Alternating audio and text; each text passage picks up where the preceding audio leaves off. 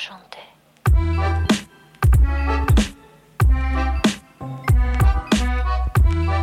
Varmt välkomna till Toto 5. Det är tisdag den 19 september. Robin, hur är läget? Um, det är uh, mycket, mycket bra tycker jag. Um, framförallt uh, lever eh, fortfarande lite sådär på, uh, ja, men på adrenalinet eller känslorna från, uh, vi hade ju en riktigt härlig fotbollslördag, både du och jag och väldigt många därtill, där ja, men, topp internationell herrfotboll blandades med vad som för dig var, och det var häftigt att följa från första paket, en emotionell eftermiddag när Kalmar tog emot Hammarby och uh, den matchen på många sätt och vis blev historisk. Mm. Nej, exakt, eh, min dotters bästa kompis eh, debuterade ju i damallsvenskan och ja, men det blev ju en stor grej medialt och såklart när en 14-åring debuterar i allsvenskan. Jag såg också att det blev en del åsikter, typ så här, men det, det är ett underbetyg till damfotbollen och eh, ja, men jag, jag fick ändå lite sånt.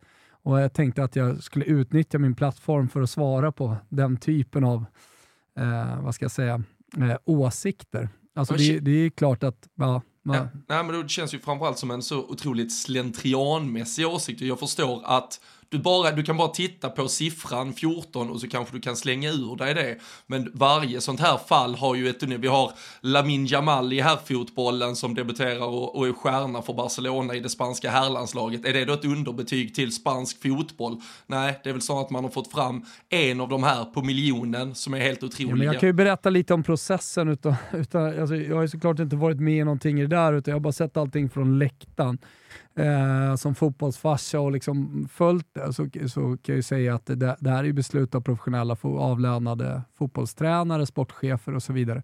Eh, och eh, eh, Anledningen till det kan vi komma till, liksom, vad som ledde fram till liksom, att det, det faktiskt blev så här. Men eh, en sak som folk måste känna till också, det är ju att tjejer puberterar tidigare. Att de har eh, en, en, alltså, de blir eh, färdig, färdiga fotbollsspelare, inte i alla fall, och det är precis som på här, du kan publicera tidigt eller sent, eh, därför vi har de här future-landslagen och så vidare. Så och jag skulle inte säga att juni är tidig, men däremot så är en 14-årig tjej som, ja men så här, eh, pubert, är bland de första att pubertera, eller vad man ska säga, så här, ja men det är klart, då, då, då, då finns det möjligheten att även som 14-åring eh, spela. Det ska man ta med sig i jämförelsen med en 07 då, som får debutera i, i Barcelona. Eh, sen, sen var det ju så att Hammarby, det är egentligen ett eget litet ämne sådär, men Hammarby sålde ju Kyra Cooney Cross på deadline day. Och eh, kunde inte ta in någon annan spelare, men tog ändå beslutet. Det var väldigt mycket pengar och sen så vet inte jag, men jag misstänker att det finns så här. Spelaren har väl eh, fortfarande en eh, vilja och eh, spelarens vilja betyder någonting för klubbar. Förstår vad jag menar? Ja, och och eh, som jag har förstått det ville Kyra till Arsenal väldigt gärna. Uh, och om eh, alltså kombinationen då blir mycket pengar, hon vill bort, vad får man för spelare tillbaka under de här tre månaderna? Hennes kontrakt går ut efter den här säsongen. Man skriver kortare kontrakt generellt sett, det kanske folk inte känner till, men man skriver kortare ko kontrakt generellt sett på damfotboll också. Uh, så ja, men, tror jag att det blev ett läge där, där man typ var tvungna att, att sälja det. Alltså du kan alltid bara behålla oss, alltså jobba med spelarna i alla fall.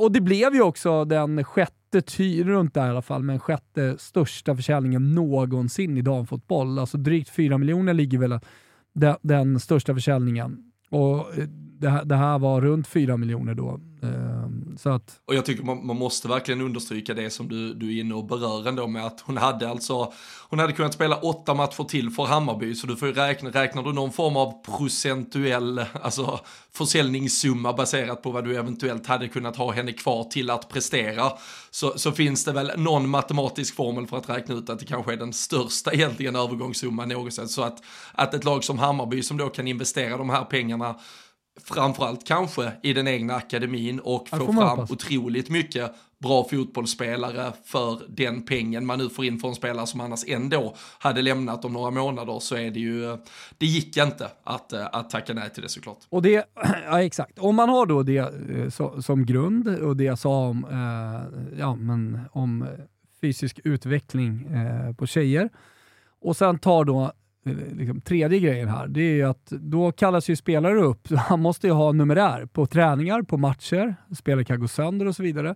Och man kan inte eh, köpa spelare. Det är ju det läget liksom Pablo befinner sig i. Ja, men då tar man ju upp de bästa spelarna från akademin. Och eh, där råder det ju liksom inga tvivel om att June ligger väldigt långt fram.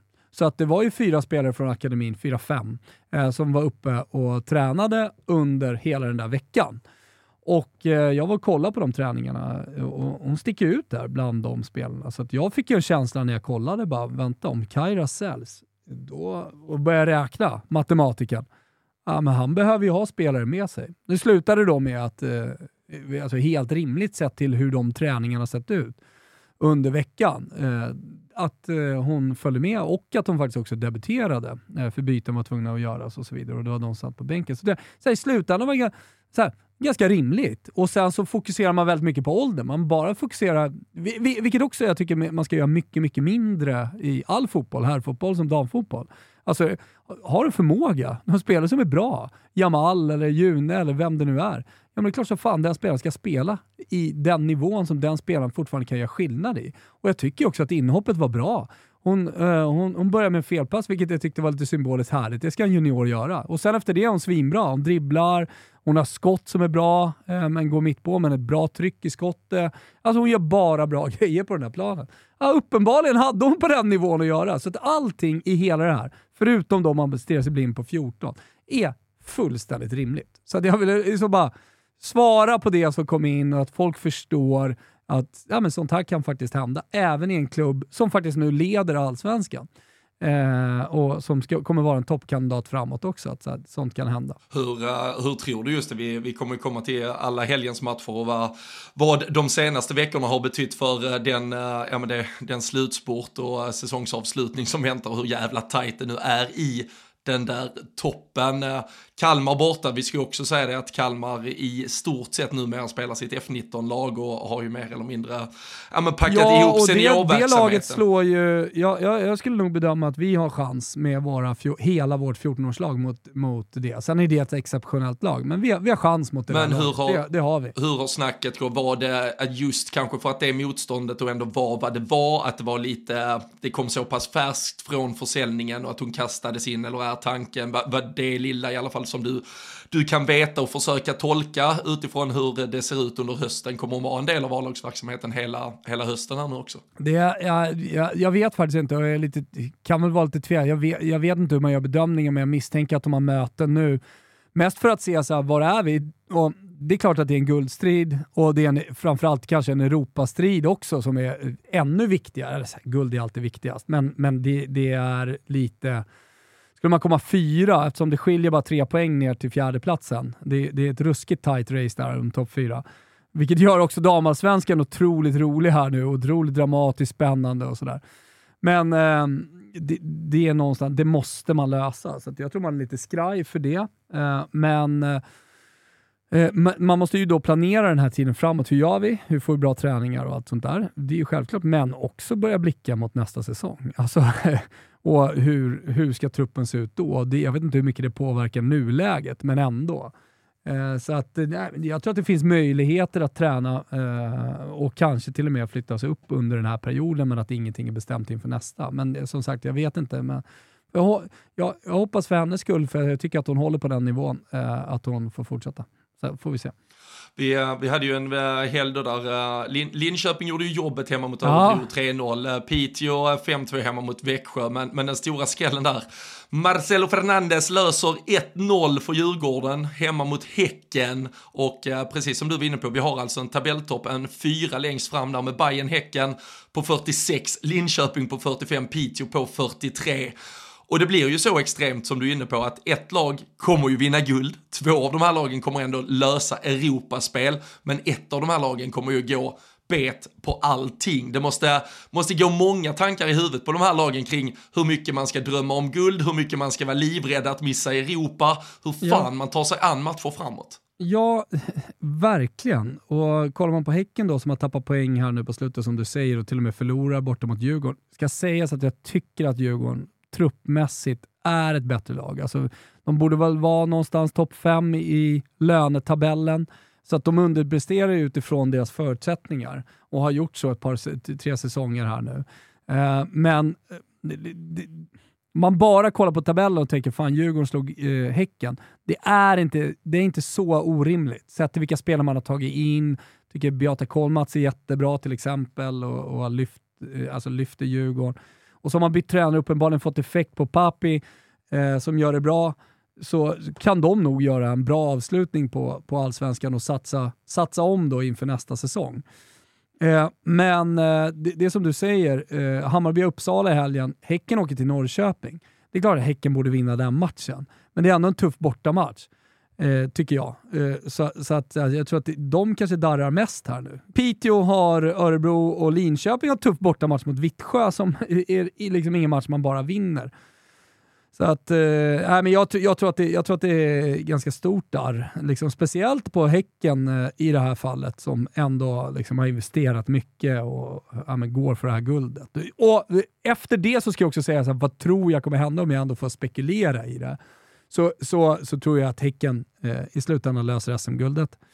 Eh, och, och jag, jag, jag, tror att det är Piteå som någonstans får stå utanför. Sen har jag räknat ut Piteå under hela den här säsongen och de är ändå med där ja, i Europaspelet. Så det är möjligt att jag, jag får fel, men det, det, är i alla fall det är min bedömning av de här lagen. Vad, uh, vad säger du om Hammarby-Häcken i omgång 25? Den är inte nådig den du. Nej, och Hammarby vann ju eh, cupfinalen eh, senast. Eh, och jag, jag, ska inte säga att de har ett psykologiskt övertag på dem, men, men någonting ändå. Det, alltså det... Men, ha, Hammar, ja, det är ett Hammarby utan Kaira Kronikross. De möter Kalmars eh, F19, höll jag på de mötte Kalmar borta i förra matchen. Eh, så vi, vi ska väl få se Hammarby utan Kaira på riktigt eh, också innan vi... Liksom, för jag tycker inte riktigt att de har eh, ersättare i truppen som är riktigt nära det Kairo har varit för Hammarby. Nej, så, så jag, jag, jag, vill se dem ställas på prov på riktigt. Eh, det är där, därför jag säger att mm, ja, det, det, här är långt från klart. Ja, och så adderar då Maika Hamano äh, som, som är out här under, äh, under hösten också. Så det, det som talar för lite är att ja, men de har Uppsala nu som säger, de har Häcken hemma. Uh, alltså det som talar för är ju ändå lite att uh, ja, men, Hammarby, man har kommit så långt på säsongen och man har samlat på sig så mycket poäng redan.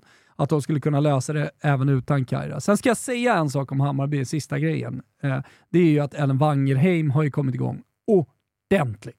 Eh, för om, om det var någonting som stack ut under den här träningsveckan jag kollade på, så var det ju Ellen Wangerheim. Alltså, vilken spelare! Ah, jag, jag, jag, jag, jag, jag tror ju att det blir liksom nästa stora anfalls, alltså riktigt stora anfallsstjärna för, för Hammarby. Alltså, jag såg när hon stod och avslutade med vänstern och högen efter träningspass och bara stolpe in sista, liksom bästa nätmaskan med både höger och vänster. Eh, hon, hon, blir bara bättre och bättre nu. Man ska komma ihåg att Ellen har ju då varit borta ett år för knäskada och liksom, sen började hitta matchformen, tyckte hon hittade den ganska snabbt. Men kraftfull, snabb, jättefin eh, teknik för liksom, positionen nummer nio och grym felvänd också. Så att det, det, det, är den, det är den spelaren jag tror, liksom, av de unga, hon är väl född 03, alltså det, hon, det är den spelaren av de unga i Sverige som jag verkligen tror har liksom, en världstopphöjd. Ja, vi får se. Vi kan ju bara notera bort med tanke på att Djurgården slog eh, Häcken med 1-0. De gjorde det i premiäromgången också. Just Borta på Hisingen 1-0. Så eh, det är ju ett ruskigt Djurgårdsspöke äh, som, som Häcken har gått in i här. Och jag tror... tror du Ellen Wangerheim är alltså född 04? Jag tar tillbaka allt. Nej, men, och, det, och det är väl också, alltså, Smilla Holmberg fick väl speltid nu senast också Just mot Kalmar. Alltså det, det, ja, det... Första, start, första starten 06. Alltså Precis, att, så det är ju inte, det är inte bara att det är alltså, superrekordunga. Det är ju ett, det är ett strategiskt Ida arbete. också med, med debut, ska säga, som också är 06. Alltså, det är liksom verkligen ett ungt lag. Ja, och det görs i samma, visst matchen har speciella förutsättningar, men det görs ändå av ett lag i en absolut eh, ja, toppstrid och guldjakt och samtidigt då är det den här åldersstrukturen. Det är, Hammarby gör mycket rätt och uh, vi, eh, vi får väl se hur, hur långt det kan räcka. Men uh, Robert Vilahamn som lämnade Häcken i somras med, då ledde de väl typ tabellen med sju eller åtta poäng ungefär i alla fall när man räknar in några, några matcher som inte var spelade och sådär. Så det, han sitter väl i London nu och undrar vad fan de sysslar med utan honom. Men, en del skadeproblem för Häcken också, men att, att inte få ihop det bättre så här när man hade utgångsläget som man hade. Kanske man löser det ändå som du är inne på, men nu ska man också in och spela lite Champions League-kval och annat kommande veckor, eh, så det, det tajtar till lite för dem också. Ja, men det gör ju det. Eh, men på tal om eh, allsvenskan också, alltså innan vi, vi släpper det helt, för det har ju tagits ut en landslagstrupp och det har blivit lite snack kan man säga. Så kan vi bara konstatera att i botten, ja, förutom Kalmar då, som typ snart är matematiskt klara för att åka ur, så är det, ja men BP ligger pyrt till. Nu är det alltså tre poäng upp till Uppsala eh, som ligger på den där kvalplatsen och eh, Örebro, med, alltså Örebro är 17 så att känslan är att det står mellan Uppsala och, och BP här. Ja, och framförallt är nog min känsla just nu att som det ser ut i elitettan så tror jag inte att laget som får kvala från allsvenskan kommer att klara sig den här gången heller. Utan, du tycker Alingsås nog... är så bra? Eller Trelleborg? Ja, ja, men, ja, tre, ja, alltså jag håller nog både Trelleborg och Alingsås just nu som, som starkare än eh, vad man har sett från Uppsala och, och BP under den här säsongen i alla fall. Och eh, kan man alltså, nej, BP, eh, det, det, är nog dags för dem också att, att ner och vända. Um, det, det, det, har sig, alltså de, de räddades på, på små marginaler förra säsongen och de, de har inte lyckats ta något kliv framåt uh, under det här året heller. Så det, det, det finns väl jag tyckte ju absolut att AIK, nu, nu kanske det med facit i hand kommer visa sig ha varit rätt för AIK att vara nere och vända. Jag tyckte ju det var fel approach till det förra säsongen när man lite under sommaren, som det kändes, gav upp. Men man har ju också, Matilda Nildén gör väl ett hattrick mot Trelleborg där här i seriefinalen senast också. Där är många unga duktiga spelare i det laget, men för BP's del, där känner jag nu har det varit en lång jävla kräftgång där man visar att man har inte musklerna för damallsvenskan. Så ner och vänd, gör någon nysatsning, kom tillbaka förhoppningsvis, men eh, just nu är de inte, jag tycker inte de är där eh, för att vara där. Nej, eh, och nu ska det väl avgöras i nästa omgång. Då spelar ju faktiskt AIK mot Allingsås. Och skulle man vinna den matchen, då är man 11 poäng före Allingsås med fem matcher kvar att spela. Så då, då, är, då är det ju liksom klart om man vinner den. Och det är som du säger, alltså Grabus har hittat tillbaka och hittat in i form och hon är, hon är bra allsvensk spelare, anfallare. Har gjort 19 mål och som du säger, Matilda Nildén som är också född 04 har gjort 15 mål eh, så här långt i, i elitettan och kommer ju vara jättebra i allsvenskan också. Så det är som du säger, jag tror Ja, det, det kanske visar sig ha varit helt okej okay för AIK att liksom komma ner. Eh, de behövde rensa lite med lite för hög budget mot vad satsningen, alltså mot vad de ville, ville kanske. Satsa på unga, man gör ju det väldigt mycket på på eh, herr också eh, och försöker få upp många spelare. Jag vet att de har kontrakterat en 07 från Djursholm, eh, en eh, 08 eh, från eh, Vasalunds pojkar som spelar länge med pojkarna eh, som är inne i första flicklandslaget här nu, F15. Eh, så, så, att det, det, så AIK har ju en tydlig plan och en tydlig strategi hur man vill liksom, ta det framåt. Eh, så, och, ja, uppenbarligen så har man lyckats bra i årets Elitettan. Ja, Nej, men verkligen. Det, det var ju, man, man, sätter ju, ja, man satte ju ner foten mot, eh, mot Trelleborg där tycker jag. Det, det var ju med all tydlighet uh, att, att man nog är det bästa laget i den där serien. Så ja, mm. det ska bli, men du, det ska bli kul lite, att se AIK har varit lite big i lilla elitettan ja, under den här säsongen och nä, nästa, nästa säsong får vi Malmö FF big i elitettan med största sannolikhet som ska tävla med BP Eh, och, och, Vi får se vad IFK Kalmar gör. Jag tror inte de kommer vara med i toppen. Men ändå. Alltså, det är ju bara ett lag nu som går upp från division 1 också. De har gjort om. Eh, så att, eh, ja. Det, ja och sen kommer ju, det, det, det har vi ju pratat om för med, med tanke på hur serieindelningarna blev där så var det ju IFK Göteborg bland annat och, och några... Ja, men, Hamnade i Malmö. Alltså, ja, det är tre de, division 1 och en från varje division 1. Så, så, så, så, Göteborg kommer ju behöva ta, de fick ju ta väntåret, de fick låta Malmö pinna upp här första vändan och så får väl Göteborg komma, komma nästa. Så det kommer ju också vara vi kommer nog se ett skifte de kommande två, de här, alltså, vi, det är alltid svårt att säga exakt vad som kommer att ske i framtiden, men de här IFK Kalmar, Uppsala, alltså lagen, trillar du ner i elitettan kommande ett, två, tre år så finns det ju stor risk att de här dubbelklubbarna som ändå är en tre, fyra, fem stycken på väg uppåt i systemen kommer att ha muskler för att tyvärr se till att du kanske inte kan studsa tillbaka. Det är därför det är häftigt trots allt tycker jag. Med ja, men ett lag som Vittsjö till exempel, som fan vad det känns tråkigt kanske vecka in och vecka ut, men gör det här jävla gnugget och de, de kommer Ja men och där, där har det kanske funnits en ännu högre höjd stundtals. Men ändå ett sånt lag som Vittsjö som, som bara säkerställer att ändå, det blir damallsvensk fotboll i Vittsjö år efter år efter år. Det är med ganska tajt budget, med små resurser, men eh, ett otroligt jävla hantverk rakt igenom. Så det är, passa på att berömma den typen av lag också när vi, när vi till stor del kanske kommer att få se de, de stora klubbarna äh, framåt lägga beslag på många serieplatser.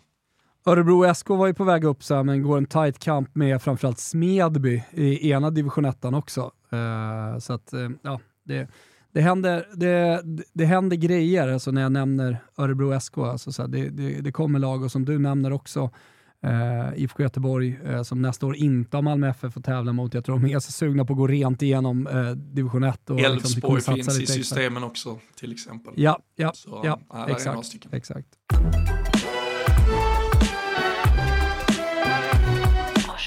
Till då den här landslagsuttagningen eh, tycker jag vi tar oss, eh, Robin. Olivia Skog lämnas utanför precis som eh, Caroline Seger. Eh, och eh, Olivia Skog var, var, sa hon att hon var lite chockad över det. Hon var i alla fall inte nöjd. I, Nej. Nej, och, och den var ju... Är det inte konstigt också? Jo, det, det, det tycker jag också. Alltså hela trupputtagningen som som jag kanske trodde skulle andas eh, lite mer nytt. Jag trodde kanske på ännu fler förändringar, men när det inte blir så många förändringar så tycker jag väl kanske att just att eh, lämna Olivia Skog vid sidan av är en av de märkligare förändringarna. Eh, som sagt, han, eh, han var ju tydlig med att han hade haft ett snack med Caroline Seger. Det var inte ett definitivt avsked till landslaget redan nu i alla fall, men, eh, men lämnas ju utanför fast att hon har kommit igång nu med speltid i Rosengård här på senare tid. Um, Stina Lennartsson som kom in som reserv under VM gick ju istället ner och spelade U23 landslagsfotboll här. Då hade Gerhardsson någon ja, harang om hur det var bättre med speltid där än vad han kunde lova. Sen får vi väl säga Anna Sandberg lämnar återbud nu, jag vet inte om de har hunnit göra någon, någon mer förändring. Amanda Nildén tillbaka in i truppen också, uh, bland annat. Men eh, Linda Sembrant, åldern till trots, kvar dessutom. Så det, det är ju en del, uh, alltså, ja, det var ju inte, uh, liksom Sofia Jakobsson är kvar, Lina Hurtig är kvar. Det, det blev ju inte någon ja, stor nystart här. Rosa Kafaji, däremot glädjande med i truppen, men jag hade nog i alla fall förväntat mig, ja, men, att det skulle andas lite mer nytt och nystart, men han är, han är trogen den trupp som har gjort det så väl för honom år efter år.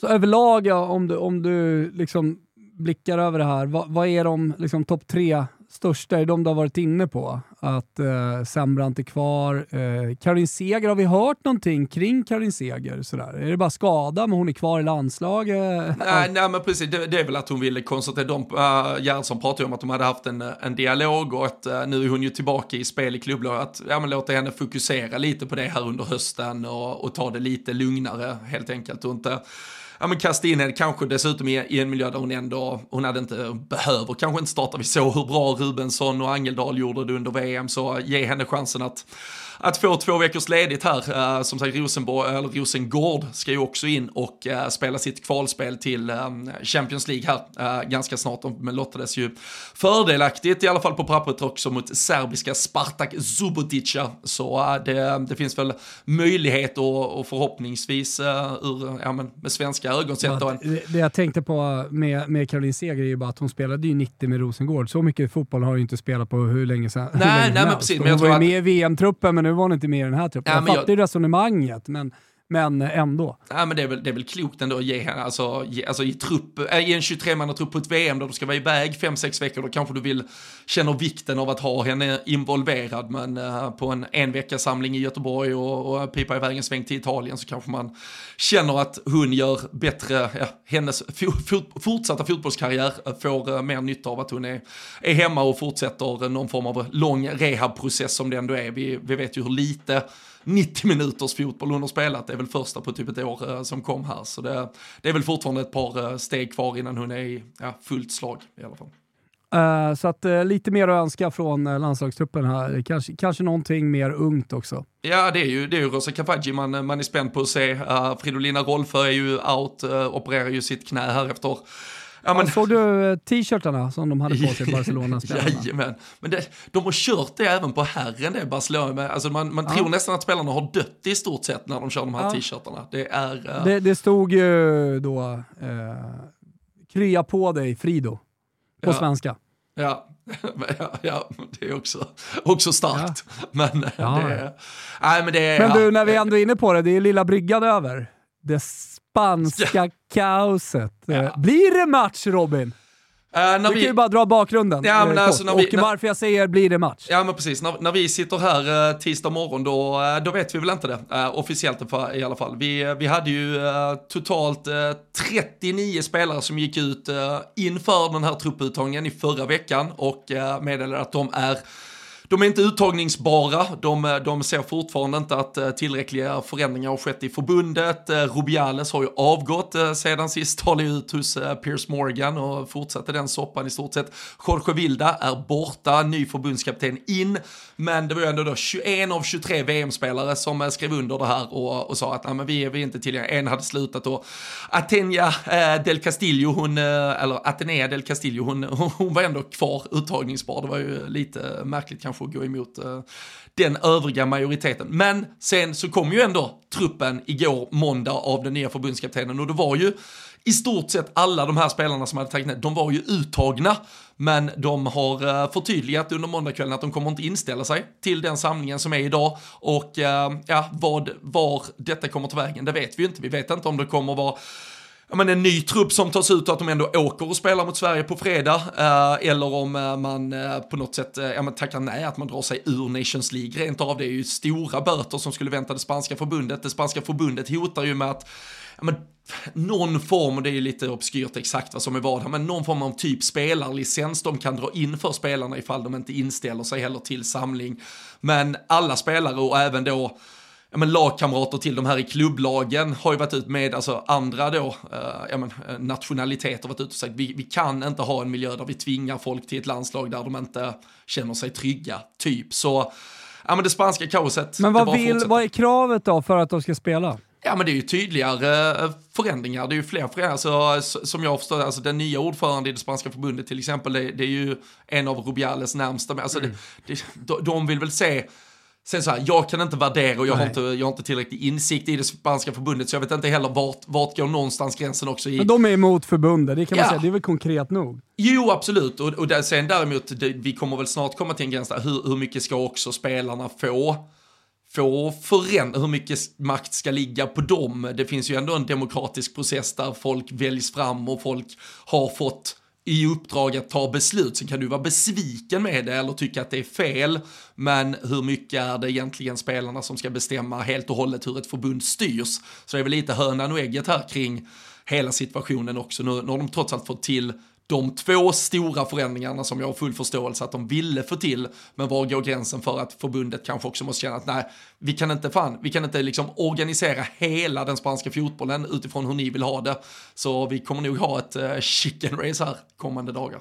Och matchen ska spelas vilket datum bara? Så att på vi fredag, vet, det är en deadline. På, på mm. fredag i Göteborg, utsålt uh, på Ullevi. Så, uh, vad gör vi om de inte kommer då? Ska vi spela en träningsmatch mot vårt F19 eller vad, ja, vad, där, alltså man hade väl velat ha lite, jag, jag tycker i förra veckan uh, kunde jag väl kanske förstå det när Gerhardsson tog ut truppen och han är alltså när det fortfarande var spekulation kring vad som skulle kunna hända så sa han gärna att men vi förbereder oss för match och det, det förstår jag är väl det enda rimliga. Men nu, nu såg jag det väl även här under tisdag morgonen så hade han ja, men han och, och landslagsledningen fortsatt uttala sig om att nej, men vi förbereder oss fortsatt för matcher. Alltså vi, vi kanske i alla fall, eller kanske att det svenska förbundet, det kanske inte är Gerhardsson som måste ta det här, men det hade väl kanske varit klokt om någon uttalar sig lite. Det finns ju folk som ganska snart kanske ska börja, ja men under onsdagen och torsdagen kanske ska resa mot Göteborg för att uppleva den här matchen som skulle vara mellan världsettan och världsmästarna.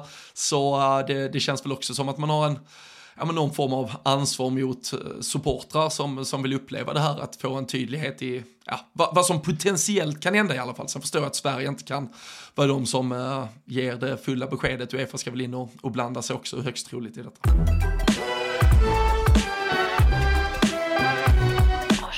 Avslutningsvis Robin, Champions League är lottat eh, för kvalet. Avslutningsvis här eh, Robin, också för de svenska lagen. Hur ser det ut? Har vi möjligheter att ta oss in i gruppspelet? Ja men det, det, tycker jag väl absolut. Det är ju, nu är vi framme i andra kvalrundan. Nu börjar vi spela dubbelmöte och utslagsmatcher. Det var ju det här första lite halvobskyra eh, gruppspelet eh, som spelades i det första kvalet där där är ju Arsenal väldigt eh, överraskande. De, de slog ju Linköping eh, stort men eh, förlorade ju sen mot Paris FC och eh, är utslagna. Det var väl inget som eh, Arsenal direkt hade eh, varken planerat för eller budgeterat med. De, eh, de ska väl in och, och slåss med de absolut bästa år efter år. Men eh, Rosengård går ju in, eh, precis som jag sa där innan, mot serbiska mästarinnorna Spartak Subotica och Häcken får Twente.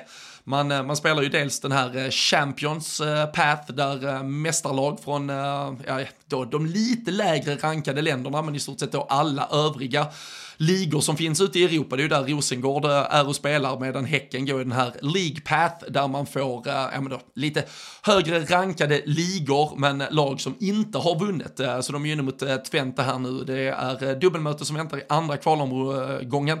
Och sen har vi en tredje kvalomgång också och det är ju, alltså vi, hur, hur lång tid tror du det dröjer tills Uefa ändrar här? För jag, som sagt, jag nämner Arsenal utslagna. I den där League Path-rundan, då har vi alltså United mot PSG, redan mot varandra i andra kvalrundan. Paris FC som då slår ut Arsenal, de möter Wolfsburg.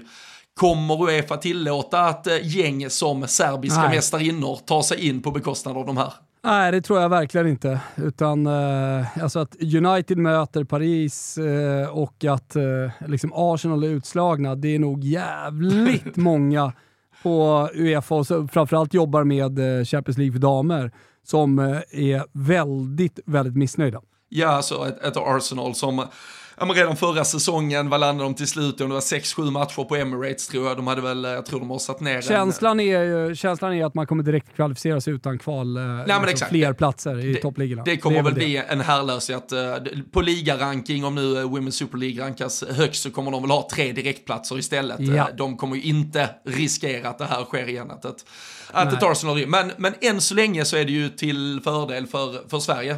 Får vi ju säga att, att Rosengård och ja, men, ja, tills vidare då våra mästarinnor i alla fall har en rakare och lite enklare väg in. För eh, Rosengård får absolut jag tycker man ska se som uh, favoriter här trots den knackiga säsong man har bakom sig. Men det är också ja. som du är inne på med Caroline Seger tillbaka. Så uh, vi, vi hoppas på svenskt deltagande i gruppspelet i alla fall. Men uh, Uefa-pamparna sitter nog och sliter sitt hår över det faktumet. Ja, det gör de sannerligen. Uh, hörru, fan vad, vad kul. Champions League-gång. Uh, vi kan väl säga det också att internationella uh, ligorna, alltså toppligorna som vi pratade om, uh, också uh, är igång och kommer igång nu till helgen.